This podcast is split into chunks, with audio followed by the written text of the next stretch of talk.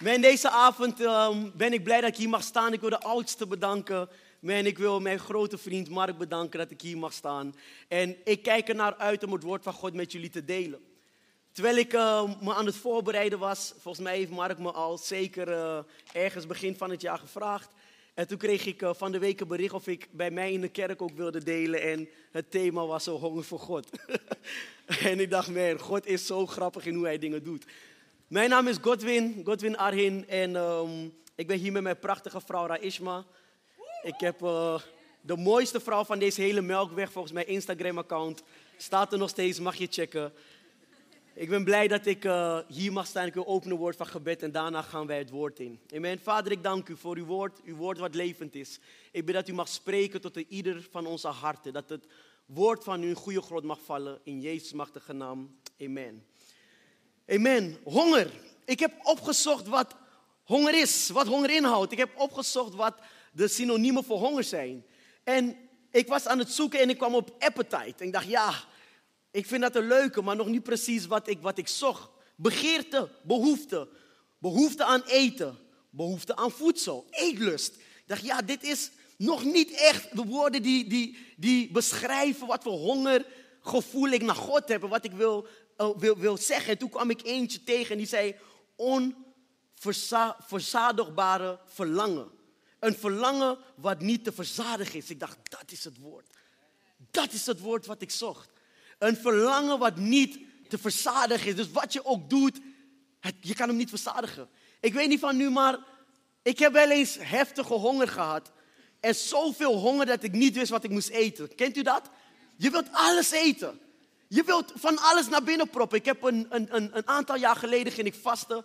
En ik zei tegen God, God, ik ga heftig vasten. Wat ik nog nooit in mijn leven heb gedaan. En ik besloot toen op dat moment 90 dagen te gaan vasten in etappes. Ik zei, God, ik ga het iedere keer zwaarder. Elke week wordt het zwaarder. En ik wil eindigen met alleen maar water. Voor de laatste dagen. Voor de mensen die mij een beetje kennen, ik eet geen groente, nog fruit. Dus een Daniel vast zal het niet worden. Dus ik zei tegen God, ik wil gaan vasten en ik had niet veel keuze. Ik eet heel veel rijst en kip. En nu mocht ik geen groente, ik moest groente en fruit eten. Wilde ik niet. Dus ik zei, oké God, ik ga u uitdagen. 90 dagen ga ik vasten. En terwijl ik aan het vasten was, toen ging ik God ook zoeken. Ik zeg, God, ik wil jullie beter leren kennen. Ik wil gewoon de diepte van u leren. Ik wil weten hoe diep bent u, hoe wijd bent u, hoe groot bent u. En terwijl ik aan het vasten was, toen kwam ik tot het einde. En ik weet nog, iedere dag dat ik bijna bij het einde was, dacht ik, oh, als ik klaar ben, ga ik frikandellen eten.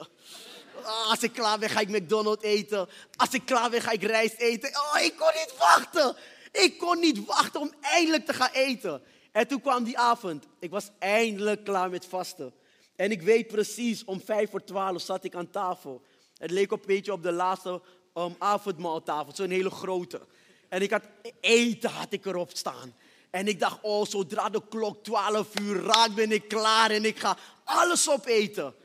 En op een gegeven moment, het werd 12 uur en ik begin te eten. Ik neem twee happen van een hamburger, dan een frikandel, dan ren ik naar rijst en ik eet kip. En binnen twee minuten was ik misselijk. Misselijk. Al het eten kon er gelijk uit. Ik was misselijk. Ik dacht, vies. Ik heb nog nooit zo vies gegeten. Want ik had honger maar ik begon eigenlijk me helemaal vol te proppen. En terwijl ik me aan het voorbereiden was, ik zeg God, maar wat doet honger eigenlijk precies? Waarom moeten wij honger hebben naar u? En het allereerste punt wat ik wil aankaarten is, honger maakt nederig. En dat heb ik uit het stuk Deuteronomium 8, vers 3. En daar is waar God uiteindelijk vertelt, hij vertelt waarom hij zijn volk die in de woestijn waren, waarom hij ze op een gegeven moment manen gaf. Hij vertelde waarom hij ze op een gegeven moment door, door de woestijn liet gaan. En een van de punten was, hij zei, ik liet jullie honger leiden om jullie nederig te maken. Ik dacht, hmm, dus honger maakt nederig. En toen vroeg ik God nog meer, maar God, wat doet, wat doet honger nog meer? Want als het nederig maakt, leuk, maar wat doet het nog meer? Honger, honger maakt ook afhankelijk. In Exodus 16, dan, dan zie je waar het volk van God, en het is zo grappig, maar als wij met z'n allen, moet je je voorstellen, we zijn nu met gigantisch veel mensen, maar stel dat wij met 2 miljoen mensen zijn en we wandelen door een woestijn. En het enige wat God heeft gezegd is, op maandag, dinsdag, woensdag, donderdag, vrijdag en zaterdag, weet je wat ik ga doen? ik zorg ervoor dat er elke ochtend manna is, dat jullie kunnen eten. Maar hij zegt, bewaar niet voor de volgende dag. Morgen zal er weer zijn voor de volgende dag. Dus je hoeft niet te bewaren. En wat deden deze mensen? Ze gingen het toch bewaren en er kwamen wormen uit. En toen zei God uiteindelijk, weet je, op de zesde dag moeten jullie ook nemen voor de volgende dag. Dus dan mogen jullie voor twee dagen verzamelen. Maar hij zei, maar ga niet zoeken daar buiten op de zevende dag, want er is niks. Wat deden deze mensen op de zevende dag? Toch naar buiten om te gaan zoeken. En God zegt, wat is er met deze mensen? Ik zeg ze, doe het ene, doen ze dat niet. Doe het andere, doen ze dat ook niet. En God zei, ik wil dat jullie afhankelijk van mij worden. Dus honger maakt ook afhankelijk. En zei oké, maar God, ik wil, ik wil een verhaal. Want als je spreekt moet je een verhaal hebben waar Jezus centraal staat. Waar het kruis centraal staat. En ik zei, God, maar wanneer had Jezus eigenlijk honger? En toen kwam ik in Matthäus 4. En het grappige en het leuke aan dit verhaal is, het gaat over Jezus die in Matthäus 3 zijn gedoopt en in 4 wordt hij op de proef gesteld door, door Satan. Maar Jezus die was alleen, zegt de Bijbel. Hij was alleen en hij werd door de geest geleid naar de woestijn. Maar Matthäus praat erover, maar andere discipelen van Jezus praten er ook over. Dus Jezus heeft waarschijnlijk dit verhaal aan ze verteld. Van, hey, goh, jongens, moeten jullie luisteren. Ik had eens honger. Ik had 40 dagen gevast en toen ging ik de woestijn in geleid door de geest. Goh, weet wie ik daar tegenkwam? Satan. En zijn discipelen denken, wow, nu gaan we het horen. Waarschijnlijk heeft hij gevochten met Satan daar. Heeft hij hem geknuppeld. Heeft hij hem pak slagen gegeven. Heeft hij hem... En Jezus die, die vertelt het vooral en hij zegt het volgende. In, in Matthäus 4 zegt het... De, de titel zegt Jezus door de duivel op de proef gesteld. Het zegt, daarna werd Jezus door de geest naar de woestijn geleid. Om door de duivel op de proef gesteld te worden.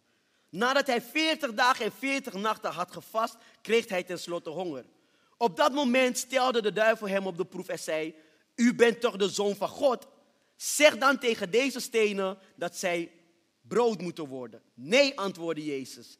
Want in de boeken staat dat het eten niet het belangrijkste is, maar dat de mens ook leeft van ieder woord dat God spreekt. En ik bleef stilstaan bij dat stuk dat de mens ook leeft van ieder woord dat God spreekt. En God bracht me toen terug in gedachten naar een hele lange tijd geleden. Ik speelde toen American football, ik speelde topsport, speelde voor het Nederlands team. Ik heb heel veel gereisd en ik vond het superleuk om te spelen. Het was niet een hobby, het was mijn leven. American football was het enige waar ik goed in was. Ik zal jullie vertellen waarom.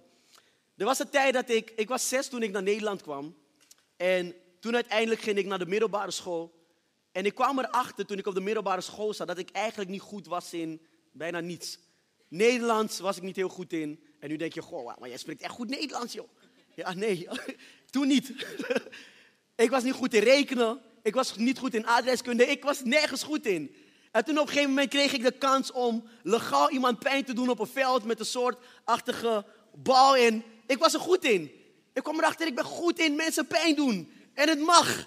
En het is fijn. En niemand die me straf geeft. Ze zeiden, ja, doe het. Doe het voor het team. En ik dacht, yeah. Dus we naar Amerika voetbal te spelen en ik gaf het me alles, gaf het mijn hele leven. En toen kwam ik op een periode dat ik een kans kreeg om naar Amerika te gaan en ik zag het voor me. Ik zag een contract voor me van 30 miljoen als ik het zou maken naar NFL. En ik zag het leven. Ik dacht, oh my god, dit is het. Dit is het leven. En terwijl ik bezig ben aan het voorbereiden, ging ik naar mijn oma. Ik zeg, oma, moet u luisteren. Ik uh, wil naar Amerika, ik ga daar spelen. Ik ga nog naar de christelijke hogeschool, want ik heb een scholarship gehad. En God gaat het leven voor mij als een soort van gespreide bedje gaat hij dat neerzetten voor mij. En mijn oma zei, ga naar de kerk Godwin en ga God bedanken voor deze kans. Ik ja, God bedanken, ja. Weet je, ik dacht, is oké, ik ga en ik ga God bedanken. En ik naar de kerk, zat een beetje achterin, ergens helemaal daar in die hoek links. Niet met z'n allen kijken naar die persoon die daar zit, maar daar zat ik. Ergens links in de hoek. En ik zei tegen God, oké God, dank u wel dat ik kan gaan. En terwijl ik dat zei, toen gebeurde er eigenlijk niks bijzonders. Het was gewoon een normale zondagdienst en ik ging naar huis. En die maandag begon ik te dromen en ik droom en ik geloofde niet in dromen, want ik vond dromen altijd een beetje vaag en ik vond ze spooky en ik vond ze ver. En mijn dromen zijn gek, want als ik droom loop ik door muren heen. Als ik droom dan spring ik en ik vlieg. Dus op een gegeven moment ik kon mijn droom van mij en van God niet uit elkaar halen. Maar ik droomde en ik droomde en ik zag tieners en ik zag de tieners van de kerk en het leek alsof ik hun emotie en pijn kon voelen. En ik dacht, hmm, volgens mij is dit niet echt een droom die ik zelf zal dromen. En ik ga naar mijn oma en ik zeg, oma, ik heb, een, ik heb iets raars gedroomd. Ik kon echt de pijn voelen van deze tieners. En mijn oma zegt, Godwin, ik denk dat God iets wilt, dat je iets gaat doen met tieners. Ik denk, oké. Beetje vaag. Voor mijn oma ook altijd een beetje... Ze was altijd geestelijk. Ken, ken je die ouders? Altijd geestelijk, alles is laten bidden. En wanneer ik bad, zetten ze olie op mijn hoofd. Kreeg ik een of ander Shadrach, Mishak of Abednego naam. En ging ze, ging ze in tongen bidden en ik weet niet wat er gebeurde. Maar ik werd elke avond zwetend wakker. En ik maak doen alsof ik slaap, want als ze denkt dat ik slaap, houdt ze eerder op. Ja, nou, werkte niet. Ze ging gewoon door. Maar uiteindelijk zei ze, Godwin, ik denk dat God wil dat je het met tieners gaat doen. En ik heb het gelaten. Ik dacht, oké, weet je, oma, zal wel. En die week bleef ik die dromen maar krijgen. En op een gegeven moment zei ik, weet je wat? Weet je wat ik ga doen? Ik ga God uitdagen. Ik ga God zeggen, God, ik geef u twee weken. Nee, drie. Ik geef u drie weken.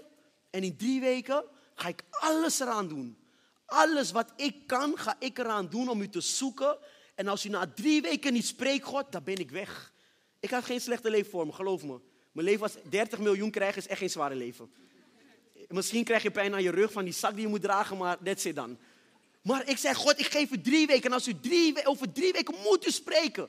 Want ik heb een honger naar u en ik wil me eigenlijk vullen met iets waarvan ik denk dat dit een mogelijkheid is. Maar wat wilt u? Want ik ben, ik ben christelijk opgevoed. Maar ik had nog niet de relatie met de Heer Jezus. Ik hoorde het alleen. En dan wil ik gaan naar dit stuk. En Jezus zegt dus, zegt hij, maar de mens, maar dat de mens ook leeft van ieder woord dat God spreekt. En Jezus refereert hier eigenlijk naar één stuk. In wat ik net al een beetje genoemd heb. Met een stuk in um, Deuteronomium. En Jezus die refereert naar dit stuk en hij, het zegt in Deuteronomium hoofdstuk 8 vers 3 zegt het. Ja, hij maakte u nederig door uw honger te laten lijden. En daarna mana eten te geven. Voedsel dat u en uw voorouders voor die tijd niet kenden. Hij deed dat om u te laten weten dat eten niet het belangrijkste is, maar dat de mens ook leeft van ieder woord dat God spreekt. Dus Jezus die heeft een gesprek met de duivel. En weet je wat het gekke is? Toen ik vroeger dacht aan de duivel, dacht ik aan een, ik weet niet waarom ik dacht dat hij breed was, maar ik dacht aan een brede kerel met horentjes, met een staart en hij was felrood. Zo dacht ik dat de duivel eruit zag. En ik dacht iedere keer dat hij ergens kwam, dan trilde de hele ruimte en je voelde duisternis binnenkomen. Maar Jezus komt, eh, de duivel komt hier naar Jezus toe in een hele andere vorm. De Bijbel die beschrijft niet hoe hij eruit ziet. De Bijbel die geeft ook niet aan van dit is zijn naam, want hij krijgt titel, Satan, duivel. Hij is de aanklager. Maar hij komt hier en hij komt eigenlijk in de vorm van een aantal vragen naar Jezus. Hij stelt vragen. En het, dat liet mij denken dat als wij niet weten als christenen waar wij ons soms tegen moeten wapenen, dan wapen je misschien tegen het verkeerde. Dus kan je je voorstellen, we zitten in een oorlog en we wachten met z'n allen op een hele grote reus. We denken wanneer hij komt, dan gaan we aanvallen. En dan komt er iemand die loopt heel rustig, heel klein mannetje, loopt heel rustig en begint allemaal vragen te stellen. En hij stelt vragen en op een gegeven moment wordt iedereen begint te twijfelen. En dan denk je, huh? mag jullie meenemen naar wanneer de duivel dat voor het eerst deed? Laten we gaan naar Genesis 3, waar, waar, waar de zonneval kwam. Adam die is ergens, Eva is ergens. En de Satan komt. En hij zegt tegen Eva, hij stelt de vraag. God heeft waarschijnlijk toch gezegd dat jullie van geen enkele boom mogen eten. Hij stelt een vraag en Eva begint te twijfelen. En ze geeft antwoord op een vraag en uiteindelijk misleidt hij haar en ze eet van een vrucht en ze geeft het aan Adam en ook hij. En op een gegeven moment komt God en God zegt, Adam waar ben je? En Adam geeft de meest vreemdste antwoord. Meest vreemdste antwoord. Als iemand mij vraagt waar ben je, dan zou ik waarschijnlijk zeggen ik ben hier. God vraagt aan Adam, Adam waar ben je? weet je wat hij zegt? Ik heb me verstopt want ik was naakt. Huh? Hij geeft de meest vreemdste antwoord geeft hij aan God. Maar het kwam eigenlijk allemaal door één ding. Ze hadden honger, maar ze wilden dat vullen tijdelijk. En wie deed dat ook? Het volk van God.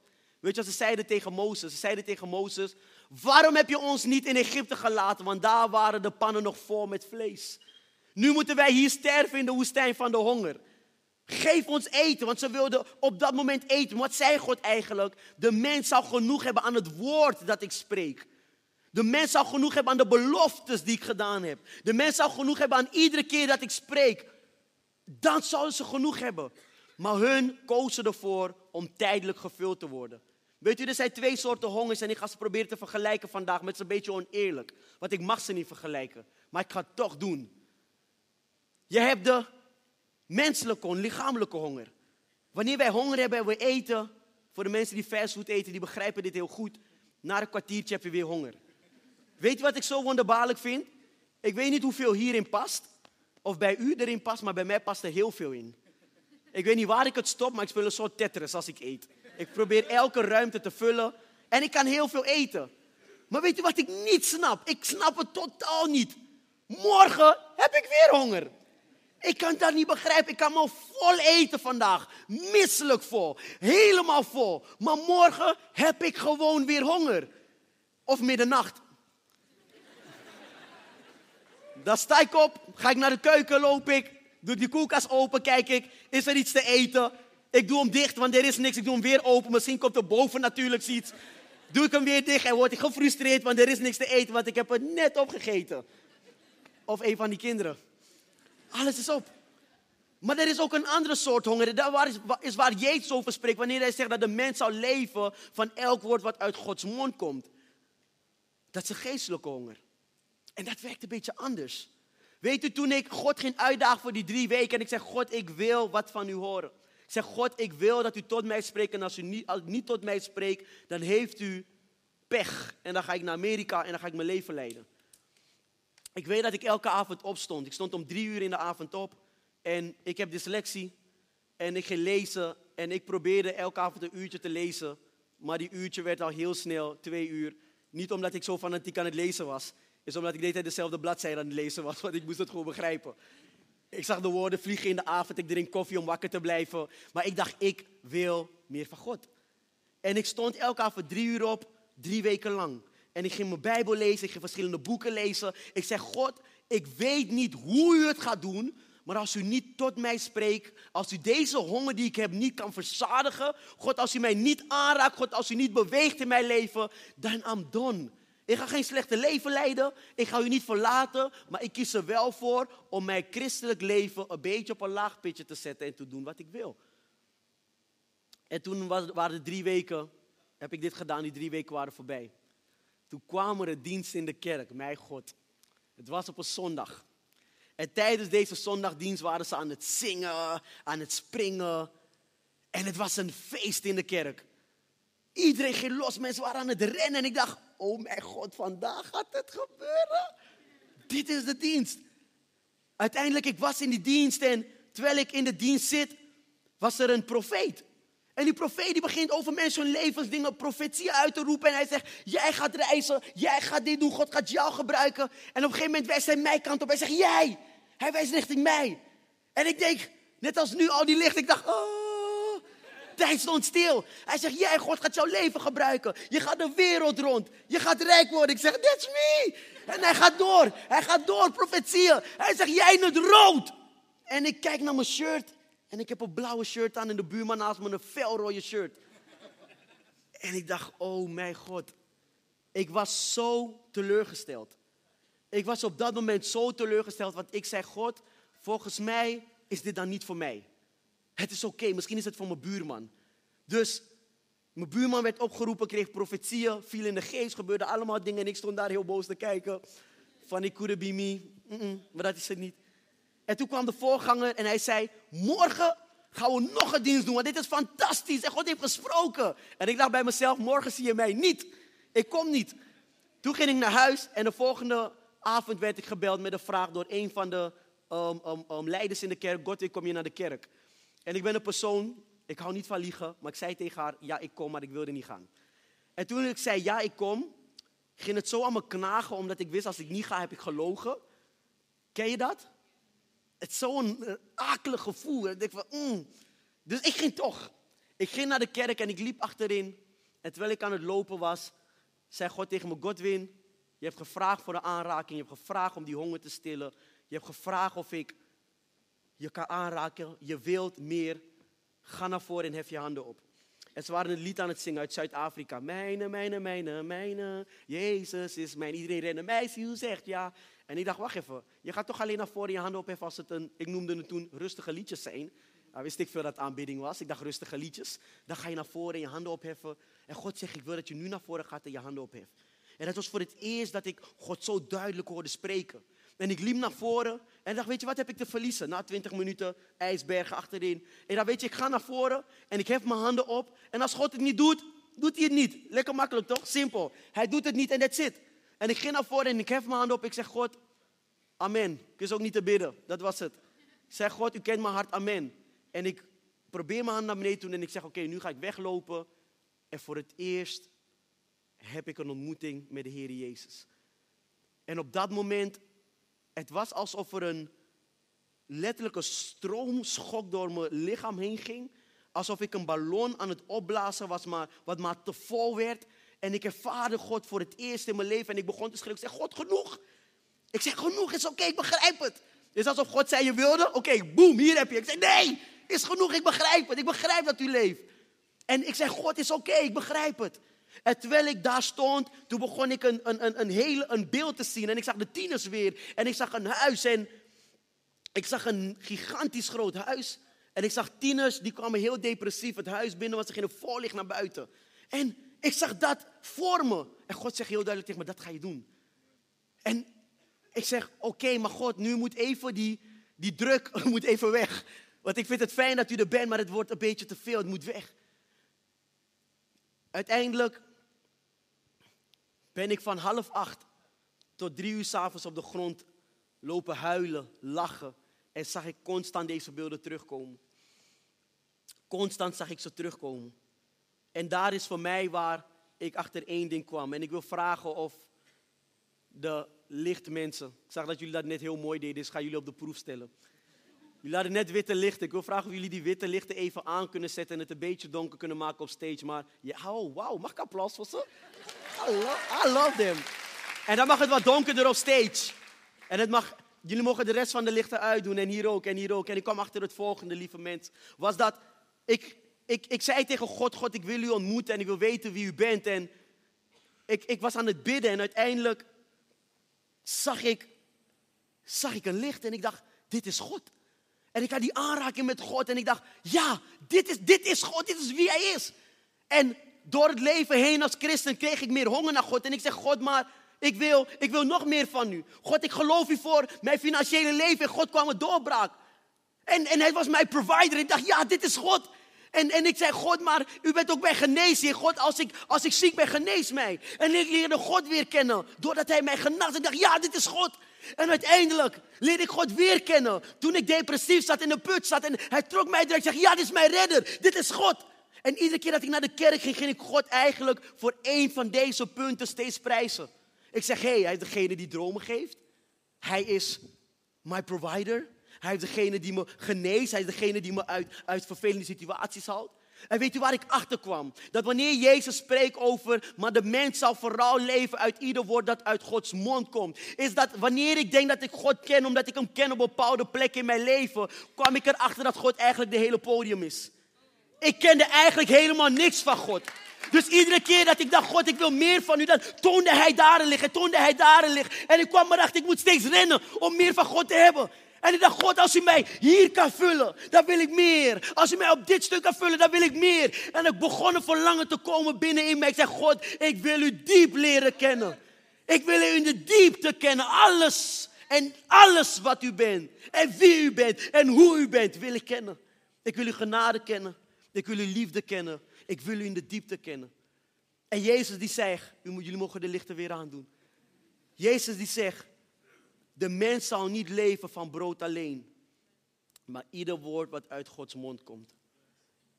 Weet u wat de duivel probeerde te doen met Jezus? Is dat hij Jezus, hij hoopte Jezus te lokken. Dat Jezus zou, zijn kracht zou gebruiken. Want hey, Jezus die genas mensen.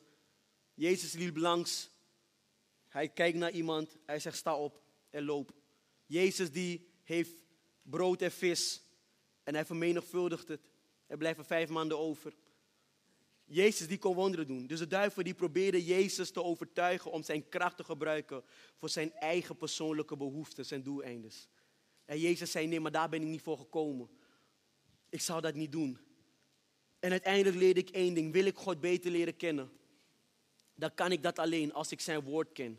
Want de woord van God, het woord van God, is hetgene waarop ik kan staan op het moment dat alles om me heen lijkt te verdwijnen. Maar weet u welke woorden van God ik ook op kan staan? Dat zijn al de beloften die God persoonlijk heeft gemaakt naar mij. De persoonlijke woorden die God tot jou heeft gesproken.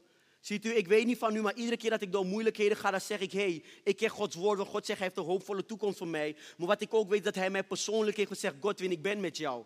En iedere keer dat ik denk van, hé, hey, het, het, het gaat niet of het lukt niet, dan kan ik iedere keer teruggaan naar elk woord dat God heeft gesproken. Ik hoef mij niet te vullen met dingen van de wereld die maar tijdelijk zijn. Want God is zo gigantisch groot. Ik ben nog lang niet klaar met de zoektocht. En iedere keer toont hij zichzelf weer en toont hij zichzelf weer. En dan laat hij zien dat hij de enige echte ware God is. De reden waarom ik zei dat ik de vergelijking niet mocht maken tussen deze aardse honger en de geestelijke honger, is omdat hoe meer je vult met God, hoe meer je van Hem wilt. Hoe meer je vult met de aardse dingen, hoe tijdelijk je verzadigd bent, daarna hoef je niet meer.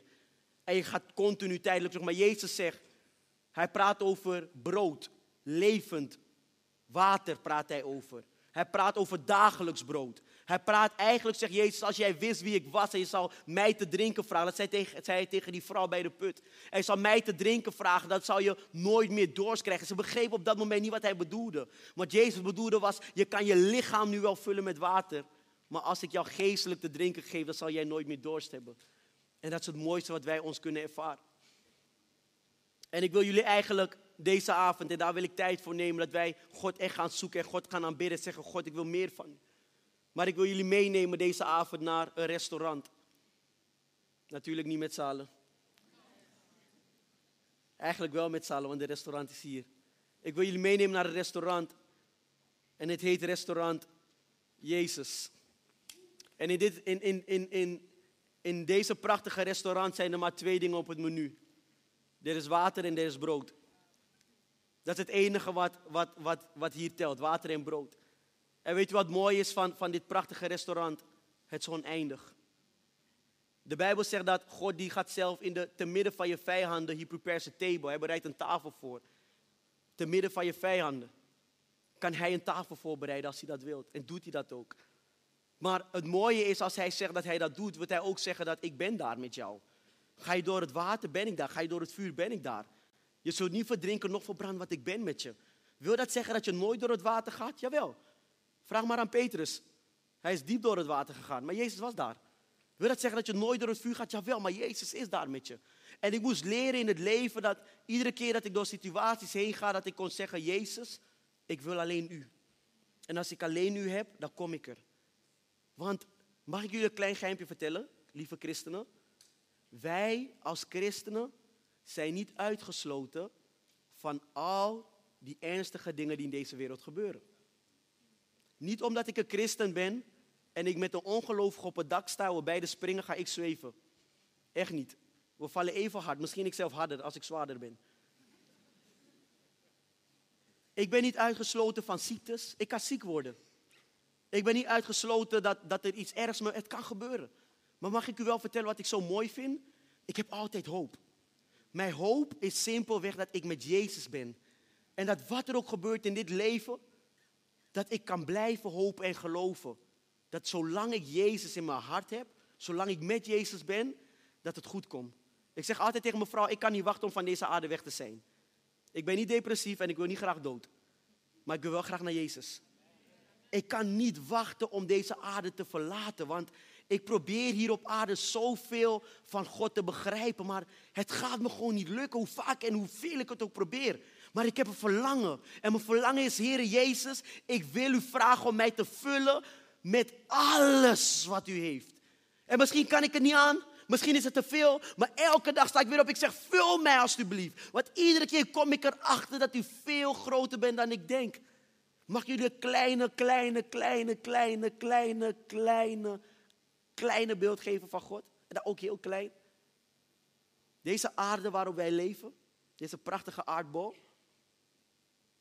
Als we uitzoomen van deze prachtige aardbol, dan komen we wat andere planeten tegen. Zoomen we uit, komen we er nog meer tegen. Zoomen we uit, komen we er nog meer tegen. Zoomen we uit, komen we er nog meer tegen. Zoomen we nog tien keer uit, komen we er waarschijnlijk nog heel veel tegen. En dat alles, de Bijbel zegt dat de aarde is als een soort voetenbank voor God. Als ik mijn voet op een voetenbank zet in huis, mijn voetenbankje, die weet niet hoe mijn keuken eruit ziet. Ik moet hem optillen en hem naar mijn keuken brengen, wil hij zien hoe de keuken eruit ziet. Als hij oog gaat tenminste. Mijn voetenbankje die is afhankelijk van waar ik hem naartoe breng. En als deze aarde als een voetstuk is voor God, dat wil zeggen dat God gigantisch groot is. En uit zijn grootte en uit hoe groot hij is, zegt hij nog steeds, ik kan zo inzoomen om zo klein en zo specifiek met jou te zijn. Is dat geen prachtige God? Dat hij zegt, ik ben zo groot, maar ik kan zo prachtig met jou zijn. En hij wil dat elke dag doen. En we mogen hem dat vragen. En we mogen het elke dag weer vragen. En wat ik ook weet, is dat op het moment dat Jezus dit zei tegen de duivel, de duivel heeft hem nog een paar andere vragen gesteld en Jezus die antwoordde steeds met het woord van God. Een hoofdstuk later is een hoofdstuk waar Jezus uiteindelijk gaat beginnen met zijn bediening. Dus Jezus die wordt eerst gedoopt en hij laat openbaarlijk zien van hé, hey, mijn God die leeft, ik ben de zoon van God, God houdt van mij. Dezelfde Heilige Geest die als een duivel voor Jezus kwam, die leidt hem ook in de woestijn. Jezus wordt verleid door de duivel. Daarna wordt hij door engelen gediend. En daarna begint hij zijn bediening. Weet u, op het moment dat wij een honger hebben naar God, is er automatische reactie op het moment dat wij gevuld zijn met Gods geest, dat Hij ons erop uit zal sturen. Dat is wat Jezus zegt, ga erop uit en maak alle volken tot mij discipelen. Zegt, hij doop hem in de naam van de Vader, de Zoon en de Heilige Geest. En hij zegt, vergeet ze niet te leren wat ik u geleerd heb. Weet u, u bent niet zomaar hier een kerkganger. U bent niet zomaar in de kerk. Oh ja, maar ik ben al 50. Heeft u Abraham gevraagd hoe oud hij was? Toen hij uiteindelijk zei, ja God, ik ga. Toen hij uiteindelijk zei, oh, krijg ik echt een kind? Ja, maar ik ben zo jong. Weet je hoe jong Timotheus was? Hij zegt ook, laat niemand op je neerkijken vanwege je jonge leeftijd, maar wees een voorbeeld. In je wandel, in hoe je spreekt, wees een voorbeeld. Dus God zegt eigenlijk tegen ons, lieve kerk, wat wij soms van onszelf denken, hoe wij ons voelen, hoe wij onszelf spiegelen en proberen te kijken, oh misschien moet dit op deze manier of die manier. Zeg God, nee, jij denkt niet zoals ik denk, ik denk heel anders. Hij zegt, in de laatste dagen zal ik mijn geest doen uitstorten. En hij heeft het over jongeren, hij heeft het over ouderen, hij heeft het over iedereen. Toen ik uiteindelijk die droom had gekregen en ik dat huis zag, heb ik er jaren niks mee gedaan, want ik begreep het niet. Jaren heb ik er niks mee gedaan. Zeg God, ik snap het niet. Toen werd ik een tienerleider bij mij in de kerk. Ik had een hele kleine tienerbediening, ik had vijf tieners. Groeide in drie maanden door naar 55 tieners. Op een gegeven moment zaten we over heel Nederland met onze tienerbediening. En toen dacht ik, oh mijn God, dit is het. En toen kreeg ik die droom weer over een huis met tieners. Ik was in 2018 getrouwd, moet ik goed zeggen, klopt het? Ja, dat is altijd de toets, hè? Dat goed? 2018 was ik getrouwd en zeven maanden later woonden mijn vrouw en ik in een huis en kregen wij pleegkinderen, gezinshuiskinderen. En in de eerste week zaten wij van, eigenlijk kennen wij elkaar ook helemaal niet zo goed. Tip, als je zeven maanden getrouwd bent, neem geen vijf kinderen in huis. Just don't do it. We waren getrouwd, zeven maanden. We hadden helemaal niet door dat het zeven maanden was. En toen kwamen we in een huis en we kregen tieners in huis. En we zaten binnen de eerste maand zaten wij vol met alleen maar tieners in één huis. En één kind. Onze jongste was toen zes, nu is hij negen. Zaten we in huis. En toen vroeg ik aan God, God, is dit wat u bedoelde met dat huis? Is dit waarom ik hier in Nederland moest blijven? Is dit waarom ik niet achter mij zelfzuchtige droom aan moest gaan? En ons allereerste succes wat wij in het wat ik ervaren als succes in het leven, was dat wij mochten zien dat kinderen die inderdaad heel duister binnenkwamen, die door heel veel moeilijkheden zijn gaan in het leven, nu stralend door het leven mogen gaan. En dat heeft niks te maken met hoe goed ik ben. Ik ben geen goede opvoeder, echt niet. Geloof me, ben ik echt niet. Je zal me echt niet als opvoeder willen. Ik lijk lief. Ik ben heel streng. Maar het is genade. Als je door ons huis loopt, zie je altijd kruisjes met olie. Mevrouw bidt elke dag voor al die kinderen en voor, die, voor de deuren. En het enige wat wij proberen te doen is een licht te zijn en te zeggen, weet je, als Jezus in ons leeft, dan zou ik niet eens hoeven spreken, dan zou je dat zien. Als Jezus ons vult, als, als God ons vult, dat wij een honger hebben naar Jezus, vooral als deze generatie, dan zal God zichzelf tonen. En ik heb het nu over twee mensen die dit hebben gedaan. Weet je wat er gaat gebeuren als wij allemaal honger hebben naar Jezus? Ze zeggen, ik hoorde het vandaag van Mark, dat Groningen die is, staat bekend om de meeste ongelovige mensen. Dat er heel veel atheïsten hier in Groningen zijn. Mag ik jullie zeggen wat er gaat gebeuren als wij met z'n allen opstaan en zeggen, God, we hebben honger naar u?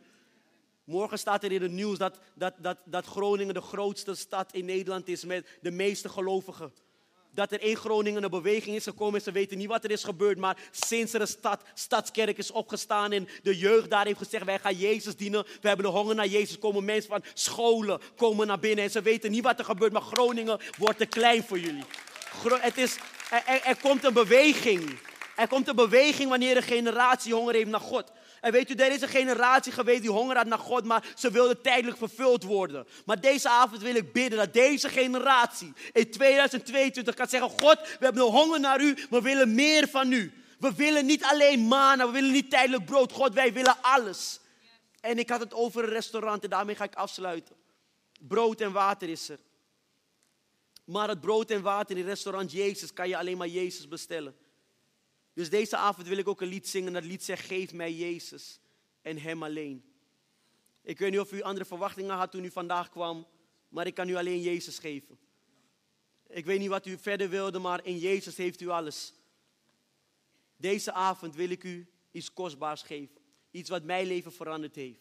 En tot de dag van vandaag heb ik nog steeds een honger naar de Heer Jezus. Dus ik wil u vragen, u mag erbij gaan staan.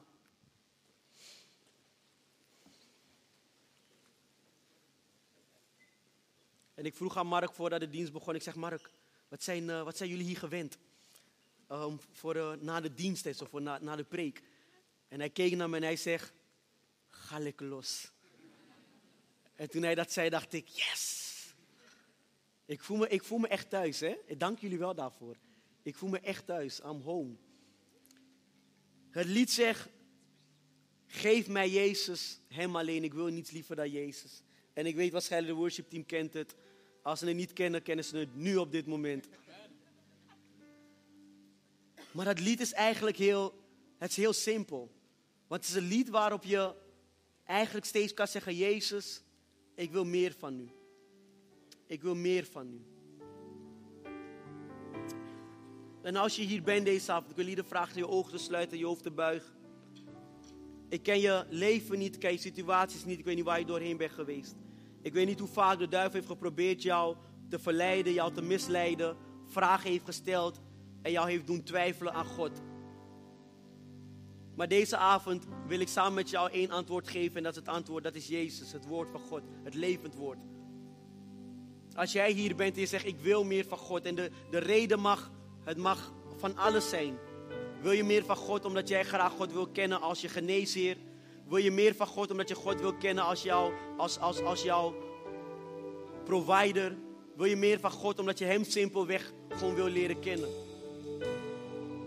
Dan wil ik je vragen om de tel van drie simpelweg je hand in de lucht te steken. Eén, twee en drie. Mag je aanzien.